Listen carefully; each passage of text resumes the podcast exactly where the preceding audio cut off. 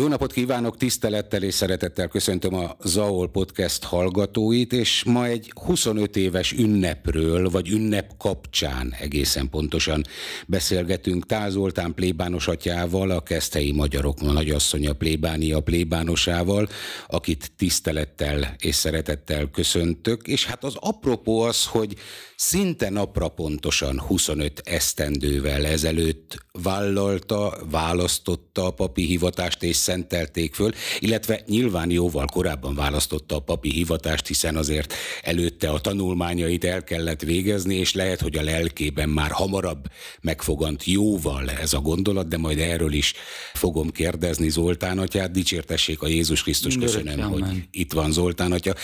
Elevenítsük is fel ezt a 25 plusz, és akkor arra vagyok kíváncsi, hogy hány évet, mikor fogant meg a gondolat, mikor született meg a gondolat. Néhány pappal már beszélgettem ilyen témáról, és ők mindig valamilyen eseményhez, valamilyen momentumhoz, akár konkrétumhoz, életeseményhez kötötték, és olyanok is voltak, akik azt mondták, hogy ez egy folyamat, és tulajdonképpen a Jóisten elvezette őket a döntésig. Önnél hogyan alakult a hivatás? Szeretettel köszöntöm én is a podcast hallgatóit. A hivatás, én kitartok amellett, hogy ez egy folyamat. Az úton vagyunk.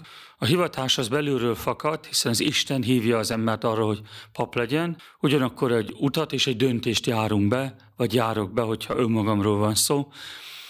1992-ben érettségiztem, és az érettségi előtt én már azt világosan tudtam és eldöntöttem, hogy ebbe az irányba fogok tovább tanulni. Szerettem volna a felvételemet nyerni a Veszprém Egyház a papnövendékei közé, és 92. június végén volt a konkurzus, a felvételi dr. Szendi József érsekatyánál. Milyen út vezetett eddig a döntésig?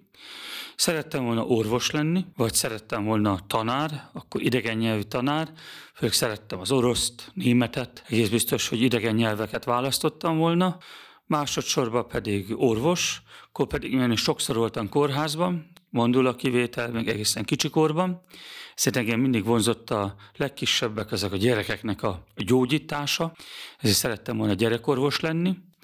Aztán mindig döntött valami amellett, az Isten rendezte az útjaimat, lemondtam az orvosi hivatásról, tanári pályáról, és így maradt az az út, hogy választottam a papi hivatást, Szendélyesek atya felvett, és 92 őszén a Központi Papnövelő Intézetben Budapesten kezdtem a tanulmányaimat, és a Pázmány Péter Katolikus Egyetem Hittudományi Karán, akkor még ugye egy évig az akadémia szót használta, még megmaradt a, a rendszerváltás előtti diktatórikus időből ez a fogalom, és akkor 93-ban viszont felvettem már a Pázmány Péter Katolikus Egyetem nevet, és a, a tudományi kar pedig a fakultást egy szavába hat kapaszkodjam, mint egy megerősítve, vagy egy picit más megvilágításba helyezve az ön által elmondottakat, hogy tulajdonképpen bár az orvosi pályát azt elhagyta, vagy lemondott róla a papi hivatásért, de ezzel együtt ugyanakkor gyógyító hivatást választott, mert a papipája azt gondolom, hogy önmagában az. Az Isten jelenléte az mindig gyógyít, hiszen Jézus is számtalan esetben gyógyított, és így tett jeleket és csodákat a nép között, mely megérintette őket, és ezáltal jelek és csodák által pedig az emberek még inkább találkoztak Istennel, és hittek Istenben. Így valóban a mi munkánk a jelenben nem is ezen jelek és csodák által történnek, de történnek a találkozások, a szentgyónásokon keresztül, a beszélgetésekben, lelkivezetésben, és azt gondolom, sok pap kolléga elmondhatja azt a megtapasztalható csodát, hogy a betegek kenete, amely szó szerint nekik szól, a betegek kenetének kiszolgáltatása után hány és hány beteg erősödött meg testben, lélekben, vagy éppen nem csak megerősödött, hanem meg is gyógyult. Ugorjunk vissza 25 évvel ezelőttre, amikor fölszentelték, majdnem napra pontosan egyébként tényleg 25 évvel ezelőtt, akkor mit gondolt a papi hivatásról, mit gondolt a pályáról, mit gondolt az ön előtt álló évekről, évtizedekről, hogyan készült erre elsősorban lélekben, de persze testben meg fizikailag is, mert hát egy papnevelő intézetet végig küzdeni, annak számos általunk civilek számára láthatatlan momentumaival, az szintén nem könnyű, nem egyszerű. Egyetlen egy egyetem főiskola sem egyszerű és könnyű. A papnevelőintézet talán a legkevésbé az. Más egyetemre nem jártam, más kollégiumban nem laktam, úgyhogy összehasonlítás legfeljebb azok tapasztalatából van, akik elmondták, hogy ők egy egy másik egyetem kollégiumában hogyan élnek. A mi életünk az két részre osztható. A papnevelő intézetben zajlik a lelki formálódás, az egyetemen pedig a szellemi képzés. A lelki formálódás napi szentmisét, napi elmékedést, közös zsolozsmázást, azaz a Zsoltárok könyvének imádkozását jelentette, és ez segített abban, hogy még inkább az imádságos élet elmélyülést hozzon a lelki életünkben, aztán esti programok, elmélkedési pontokat adott a lelkivezetőnk, a spirituális, Bíró László püspök rektor, szerdánként exhortációkat, buzdításokat adott, tehát a szeminárium falai között zajlott ez, aztán volt irodalmi iskola, ahol irodalmi találkozások voltak, vagy papnövendékek készültek, vagy külső vendéget hívtunk. Hívtunk színészt is, például Tolnai Klári is volt közöttünk. László Gyula, aki a magyarság kutatásával foglalkozott, most csak így két szemét hirtelen, akik eszembe jutottak, de hat év alatt, míg ott tanultam, illetve hét év alatt számtalan vendégünk volt. Az egyetemi fakultáson két év filozófiai képzés folyik, és négy év teológiai képzés. Amikor a képzés befejeződik, akkor van a papszentelés, illetve ötödik év végén a diakonus szentelés, a papság első rendjét fölvettem, 97 nyarán, június 24-én, és a papságban pedig 98. június 18-án részesültem. Dr. Márfi Gyula Veszprém érsekatya szentelt fel, társammal, Beke Zsolt atyával együtt. Lébánosokkal most már több mint három évtizede rendszeresen beszélgetek, és egyik másikkal, ha egy kicsit elmélyedünk, most nem várom meg, hogy időben elmélyedjünk, hanem eléugrok, és azért sokszor szóba kerül, hogy nem volt ez alatt a hét esztendő alatt semmi kétség, hogy jól döntötte, ez az igazi útja-e. Meg hát fiatalon egy fiú, zárt fiú közösségben lenni, még kint mindenki élte az életét, és azokat az ifjú bohémságokat elkövette, amiket a legtöbbünk elkövet, nem tudom én, 14 és 25-26 év között. Ez soha nem érintette meg, hogy biztos, hogy ez az én utam-e? A kérdés sokszor felteszik. Azért van a lelki formálódás, hogy ez az út biztos biztossá váljon, amire mondhatjuk és használhatjuk ezt a szót a papi hivatásra, de az élet más területén, a házasságon, a párválasztásra is biztos. A sok-sok imádság az utolsó évben, az ötödik év végén a diakonus szentelés előtt még inkább töltöttem időt a kápolnában, és még több időt azzal az elmékedéssel, hogy Krisztushoz tartozni, az a keresztény ember útja hogy Krisztus papjává lenni, az a keresztény embernek egy különös hivatása, hiszen némelyeket Krisztus erre kiválasztott. És így ezen az úton nem is a megtorpanás, vagy a visszafelé való tekintés, de annak jól megfontolása és egy döntés meghozatala az egészen biztos, hogy ott volt, és most is visszagondolva 25 év után is erre, az a diakonus szentelés előtt egy formálódás volt, és egy alakulás, a spirituálissal, lelki vezetővel történő több beszélgetés, amikor is kiformálódott, hogy ez az én utam, és ebben a hivatásban élem meg a magam életét. Akik nem hívők és nem járnak templomba, azt gondolják egy papról, hogy elmegy, megtartja, bemutatja a szentmisét, esetleg elmegy egy másik templomba, és ott is megtartja, bemutatja a szentmisét. Ha van ideje, akkor utána még egy kicsit beszélget a hívekkel, meg most már az újabb időkben gyerekeknek tart hitoktatást, most már iskolai keretek között régen ugye templomba jártunk, és ott, ott lehetett a hitoktatásban részt venni, de hát az egy másik kor volt, és hogy így nagyjából az átlagember ennyit lát egy papból. Aki jár templomba, adj Isten templomi közösségekbe, az már a, a plébánosának egy másik arcát, egy közvetlenebb arcát is látja, és azt is látja, hogy nem szombaton és vasárnap mutat be Szent Misét mondjuk úgy, hogy dolgozik hétköznapi kifejezéssel, hanem bizony hétfőtől szombatig is, és amikor a pap úgy saját magába néz, hogy ő Isten igazából mit csinál. Na erre vagyok én kíváncsi. Tehát amikor lehántjuk ezeket a rétegeket, meg ami külső szemmel látható, mi az, ami előttünk láthatatlan, mi az, ami a papon belül van, önön belül van. Kezdem vele a mai nappal. Pap eljön és egy podcast beszélgetésen részt vesz. Meghívva egy újságíró, szerkesztő ide hívott, és ez egy ajándék, egy lehetőség, hogy a média emberével találkozzak, lehetőség arra, hogy ebbe, ez a beszélgetés, ami élő, meghallgatható legyen sokak számára, keresők számára, akik ismernek engem, vagy éppen teljesen ismeretlen emberek számára. 2000-ben, amikor kezdhelyen voltam káplán, ott kezdtem egész papi életemet, de nyolcadikas osztályt készítettem a vérmállásra, és megkérdezték, tényleg igaz, hogy maga a templomban lakik? Mondtam, nem, van egy kis lakásom, Keszthely főterén, ahol a plébánossal együtt, dr. Léber Mihály atyával laktam együtt. És évvégén megköszönve a munkámat eljöttek, egy kedves ajándékosarat hoztak, és mi történt? Mondta az egyik, hogy szeretne elmenni WC-re. Mondtam, menjen. És a, a fürdőszobaban ott volt a ruha szárogatón, a tiszta vagy kimosott ruháim, többek között az alsó gatyáim. Jött ki nagy nevetve, fogta a száját, és rögtön tudtam, hogy akkor ugye megláttad a pap alsó gatyáit is, és akkor mondta, hogy igen. Na hát mondom, látod, a mosás is hozzá tartozik az életemhez, és a papnak még ez is van. Tehát nem templomban élek, és nem szellemvilágban élek, húsvér ember vagyok, aki eszik, iszik, és az élet egyéb területén is örömet talál, ilyen például az, hogy eljárok nyáron is, úszok a Balatonban, ezt én nagyon szeretem, néha elmegyek, biciklizek, kirándulok, tehát ez a, ez a mozgás része, vagy a szabadidő része.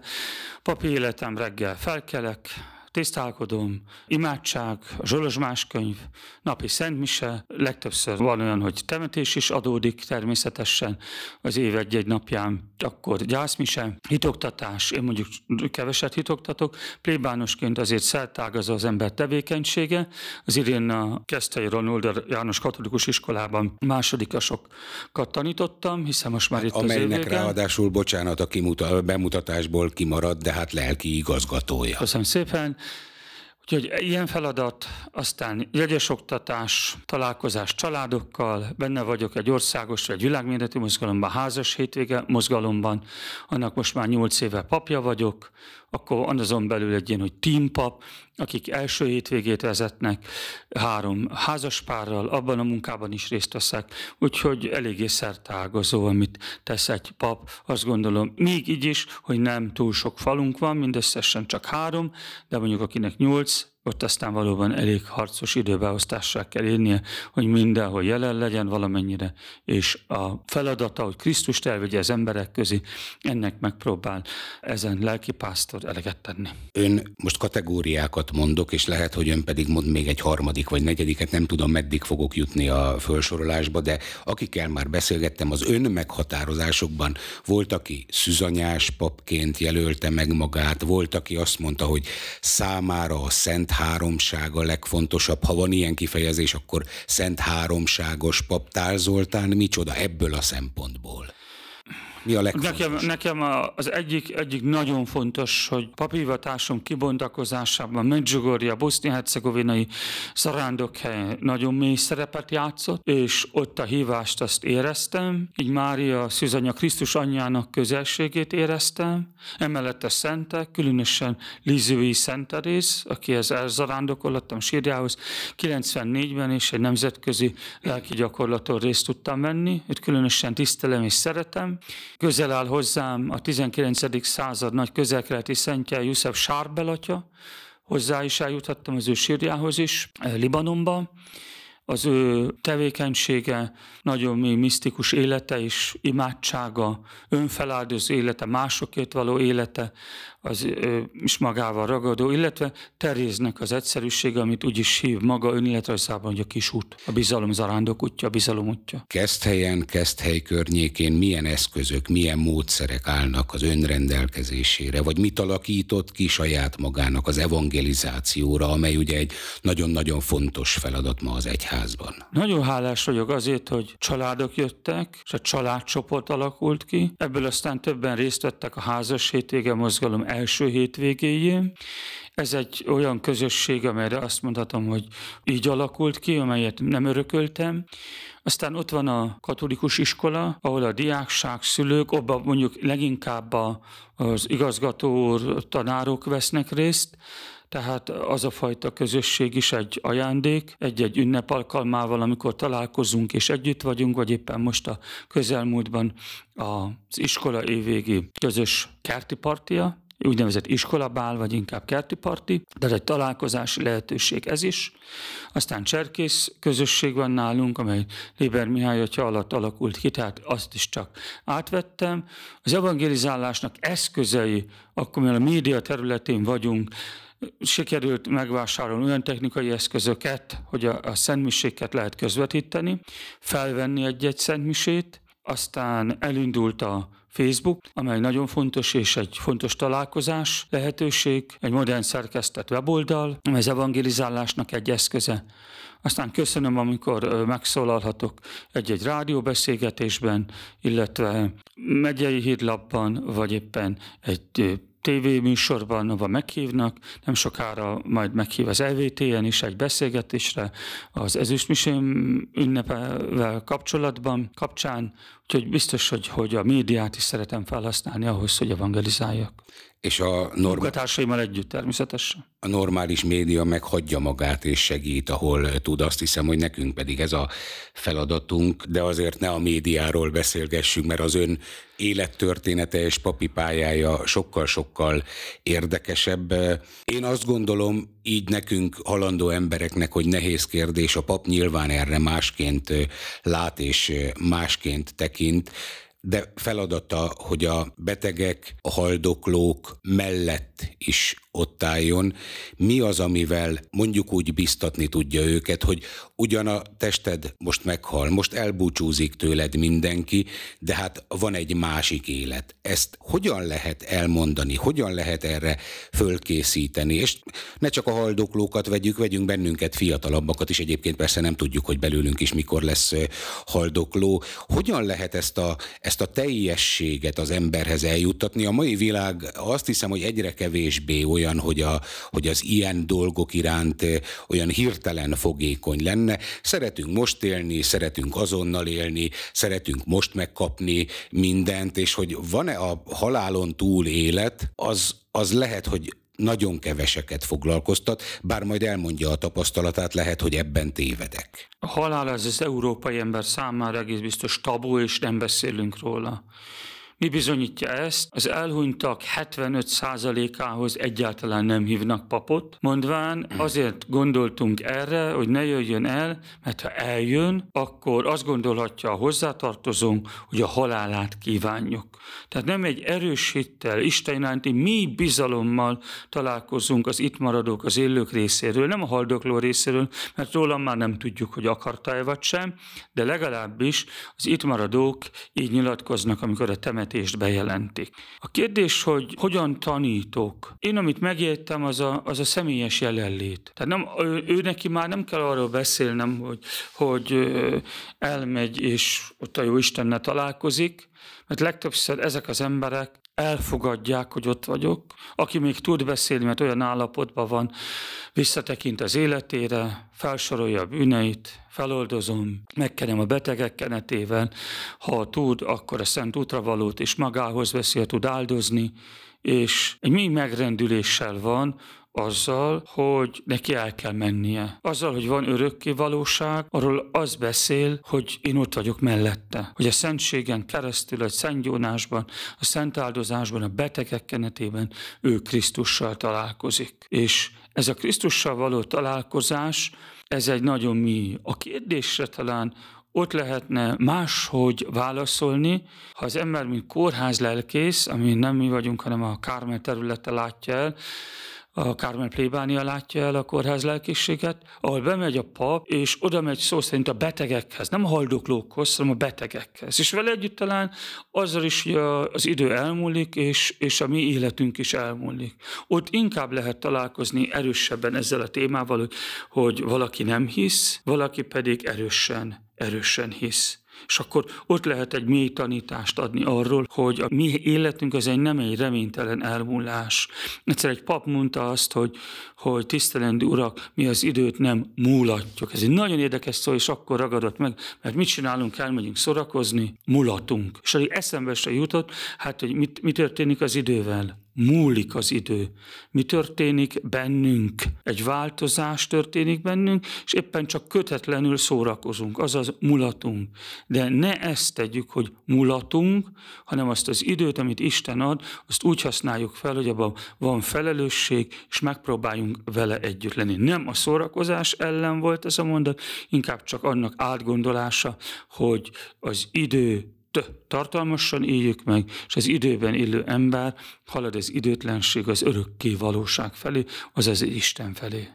Az igaz lehet, amit leegyszerűsítve úgy szoktunk megfogalmazni, nyilván önnek ez személyes tapasztalata és élménye is lehet, hogy a zuhanó repülőn sosincs ateista? Azon biztos, hogy nincs, ahogy mondják azok. Utaztam többször repülőn, zuhanón nem, turbulenciába kerültem, azért félelem fogja el az embert, társaimat is, utastársaimat is, vadidegen embereket, akikkel együtt utaztam. Egészen biztos. A halálban és az elmúlásban benne van ez a, ez a nagy mélység, hogy, hogy hova tartunk. És azt gondolom, erre nem akkor kellene rádöbbenni, hanem az élet nagy ajándékáit, akik hálásak, akik örülnek. Még akkor is, hogy nagyon sok szenvedés érte őket. Ismertem egy-két ilyen embert, akik nagyon mélyen hívők voltak, sok családtagjukat eltemették, ugyanakkor mindig mélyen hittek abban, hogy amikor ők elmennek, találkoznak a szeretteikkel odát, és természetesen találkoznak a Jóistennel. Tehát nem a haláli a döntő szó, inkább az egész odafelé vezető út, amely mindig döntés, meghívás arra, hogy Isten mellett legyünk, és Isten mellett döntsünk. A papi szolgálatban, a papi pályán ez a 25 esztendő egy jelentős állomás, aztán adja Isten, hogy majd az 50. évfordulón is találkozzunk és beszélgessünk.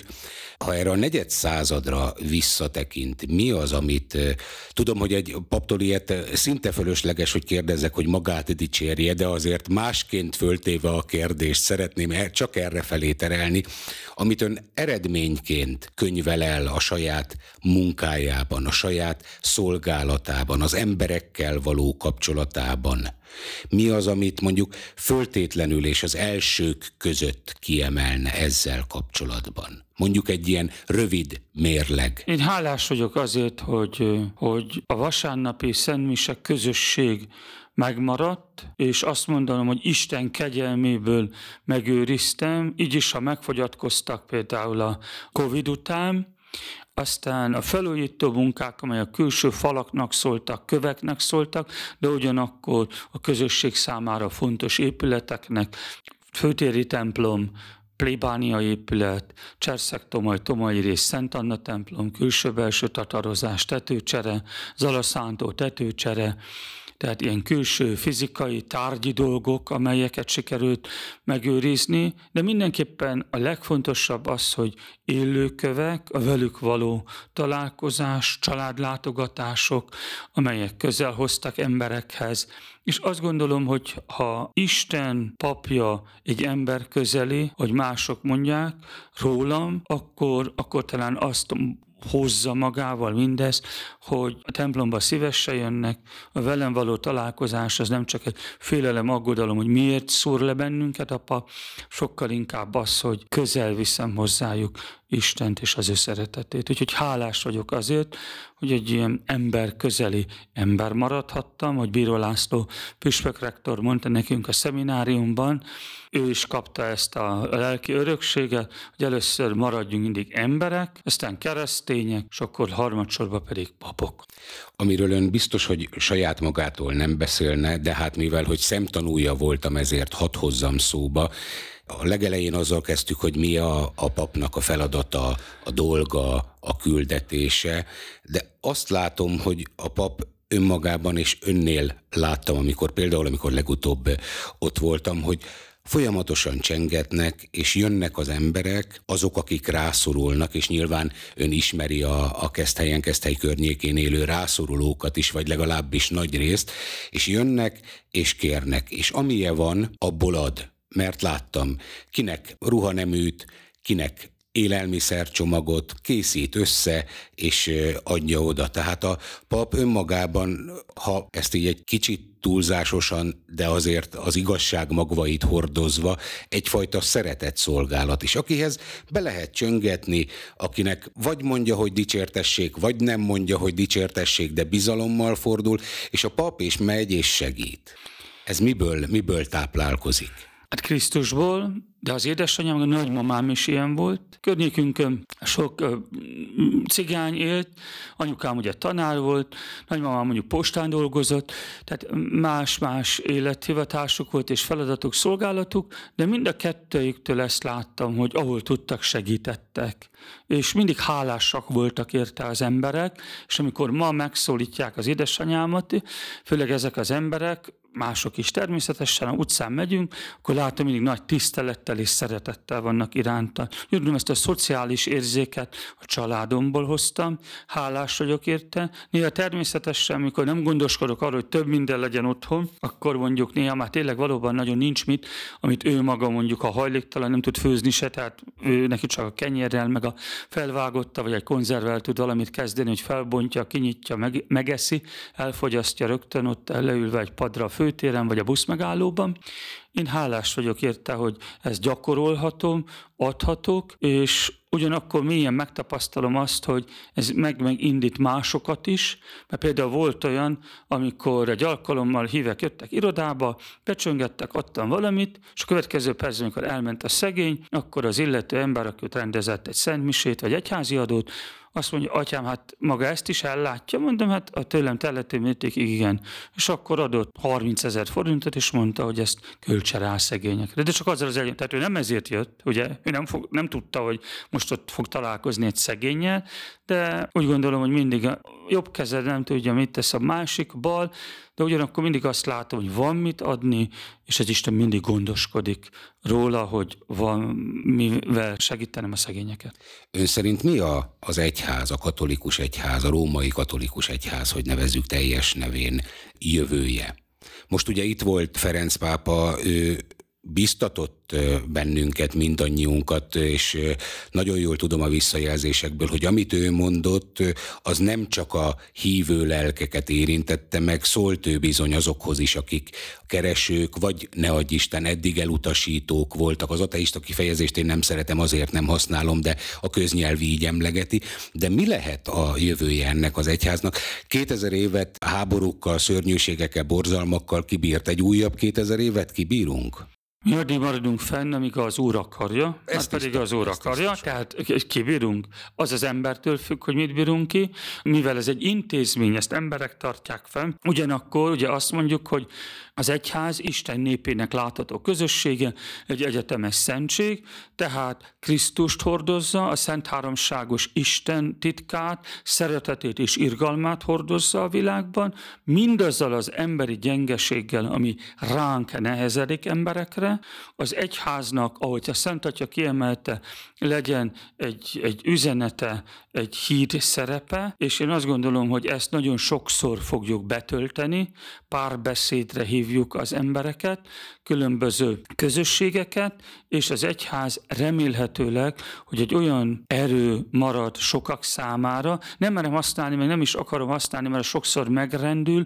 vagy éppen megrendítik valamilyen emberi gyengesség folytán azt, hogy mi tekint, tekintély vagyunk, de azt, hogy Krisztus hordozók vagyunk, Krisztust akarjuk felmutatni a világban, az egészen biztos, és a pápa látogatásnak például egy nagyon kedves története, amikor egy család megosztotta, hogy van egy nem hívő család, rokon náluk, aki a pápa biztonságáért felelt itt Magyarországon, és közvetlen kísérte, és annyira megérintette a pápa személyes jelenléte, csak ez a tény, ezt az apukát, ezt a férfi embert, hogy amikor a Szent Atya elment, akkor utána megbeszélte a feleségével, és megkereszteltette a több éves gyermeküket, aki eddig nem volt megkeresztelve, és maguk nem is keresték Krisztus vagy Krisztus egyházát. Tehát a pápa személyes jelenléte is elég volt ahhoz, hogy valakibe ezt a Krisztus közelséget elindítsa. Ezek szerint akkor ez idézőjelbe a csakot csak azon múlik, hogy valakinek el kell ültetni a magot. Igen. Ha ez a pápa, a pápa, ha a papunk, a papunk, ha egy másik hívő ember, még ne is fölszentelt személy legyen, akit, akiben látok valamit, vagy egy olyan példát fedezek föl, vagy egy olyan értéket, amitől én vonzódni kezdek az egyházhoz, Krisztushoz, az Istenhez, akkor, akkor ez tulajdonképpen ezen múlik, hogy valaki hisz, vagy nem hisz? hatodik Pál pápa mondta, ami nagyon híres, és sokszor idézik ezt a mondását, a 20. század emberek, mai kor emberének, ugye a 20. század már elmúlt, értsük jól, mai kor emberének nem tanítókra, hanem tanukra van szüksége. És hogyha azok tanítók, akkor azt jelenti, hogy ők egyúttal tanuk is. És ezért van az, hogy egy nagyszülő, szülő, aki közel van Krisztushoz, szeretetével, jóságával, gondoskodásával nagyon hitelesen tud beszélni Isten szeretetéről, nem pont azzal, hogy meghívja a Szentmisére az unokát vagy a felnőtt 40-50 éves gyermekeit, az is lehet egy nagyon erős tanúságtétel természetesen, de maga az a jelenlét, hogy Krisztus viszi az emberek közé szeretetével, az már maga azt jelenti, hogy Krisztus ott van közöttük, és bennük is elindíthatja az ige a hit magvait. Meg az a szép ebben, gyerekkorom egyik szegedi plébánosára emlékszem, Lőrinc atyára, orosz Lőrinc atyára, aki azt mondta, hogy persze, vasárnap, szentmise, gyertek, fontos. De ha úgy van időd, tanulnod kell, kirándulni vagy, bármit csinálsz, akkor szány öt percet arra, még csak össze se kulcsold a kezed, ez a kommunizmusban volt, tehát azért próbált vigyázni ránk, tedd a térdedre a kezed, csukd be a szemed, imádkozzál, beszélgess egy kicsit az Úrral, és utána csináld azt, amit csináltál tovább. Tehát sokan azt gondolom, hogy ezt a részét nem látják, azt hiszik, hogy ez egy merev, nagyon-nagyon konzervatív valami építmény, és amikor belekerül és közel kerül hozzá, és meglátja a sok-sok színét, a sok-sok lehetőségét, a sok-sok adományt, amit idővel elkezdünk érezni, akkor kapja meg a teljességet, akkor kezdi el látni, hogy tulajdonképpen mi is a hit. Tehát a hit nem csak az, hogy elmegyek a templomba és imádkozok, az is a hitem, hogyha két percem van, két percig csöndesen mondjuk úgy megkérem az urat erre, arra, vagy meghallgatom idővel elkezdjük hallani is, vagy úgy véljük, hogy halljuk. Ez az, amit talán még jobban meg kéne mutatni az embereknek, és ez véletlenül valóban kell egy-egy személyiség, aki, aki erre rávezeti az embert. Az, hogy Krisztus közelébe jussunk, egészen biztos tanítókra és tanukra szüksége van korunk emberének. Találkozhatunk olyan emberekkel is, akik levettek egy könyvesboltban egy szentírást, és ez a mozzanat őket nagyon mély kapcsolatra tudta elvezetni, de az, hogy az egyházban az egyik legfontosabb mozzanat az, hogy kommuníhoz, az közösség van, de egy munkatársam nagyon szépen elmélkedett nekem a minap, és hálás vagyok érte, és azt mondta, hogy élő közösségek vannak, ami nem számban, hanem minőségben jelenti azt, hogy, hogy élők, oda tud csatlakozni egy következő, oda tud csatlakozni majd még egy ember, és amikor első áldoztatunk, bérmálkozunk, akkor azért maradnak el a gyerekek, mert a nekik megfelelő életkori sajátosságokat nem kapják meg egy adott közösségben. Óriási kihívás ez egyházunkban, hogy nekik olyan programokat szervezzünk, amelyekben ő jól érzi magát, ugyanakkor az egyházon belül marad, szívesen jön olvasni, énekelni, ministrálni, mert jó helyen van a templomban, és nem kerülhetjük meg ezt a kérdést sem, hogy ahol jól érezzük magunkat. Tudom, hogy sokan felháborodnak ezen, hogy a Szent Mise és a templom és a szakrális közösség nem az a hely, ahol jól érezzük magunkat, de azért bátran kimerem mondani, hogy nagyon fontos, hogy egy szeretett közösség vegyen bennünket körül, hogy 16. Benedek pápa meghívott bennünket arra az egyházban, hogy ott lesz igazán Krisztus jelen, ahol egy mély szeretett közösségben vagyunk egymással. És akkor ott érzik a tagok, hogyha szeretve vannak, akkor egymás által, azaz egymáson keresztül Krisztus szeret bennünket, az a közösség pedig élő és eleven valóság. Zoltán, hogyha még órákig tudnánk beszélgetni, de már így is túlléptük jóval a nekünk rendelt időt, én azzal hadd búcsúzzam. Aztán persze ezt majd még sokszor Zalai hírlapban is, akár itt a podcastekben is, meg más felületeken is majd természetesen folytatjuk, hogy a következő 25 évre most csak tekintsünk a duplázásra, Isten áldását kérve a szolgálatára, majd 25 év múlva beszéljük meg az első 50 tapasztalatait, addig maradjon köztünk velünk, és minden jót kívánok, ezt a beszélgetést pedig hálás szívvel köszönöm. Nagyon szépen köszönöm a beszélgetést, és Isten áldása kísérje minden hallgató és mindannyiunk életét. Az AOL Podcast vendége Tál Zoltán volt, akit tulajdonképpen az elmúlt 25 évről faggattunk, hiszen 25 esztendeje szentelték őt pappá, és hát azt persze elfelejtettük mondani, de hogy ennek a szolgálatnak a nagy részét, vagy legalábbis felét helyen töltötte el, amiért meg azt hiszem, hogy a keszthelyi keszthelyi környéki évek különösen is hálásak. Minden jót kívánok Zoltán, hogyha köszönöm még egyszer. Nagyon szépen köszönöm.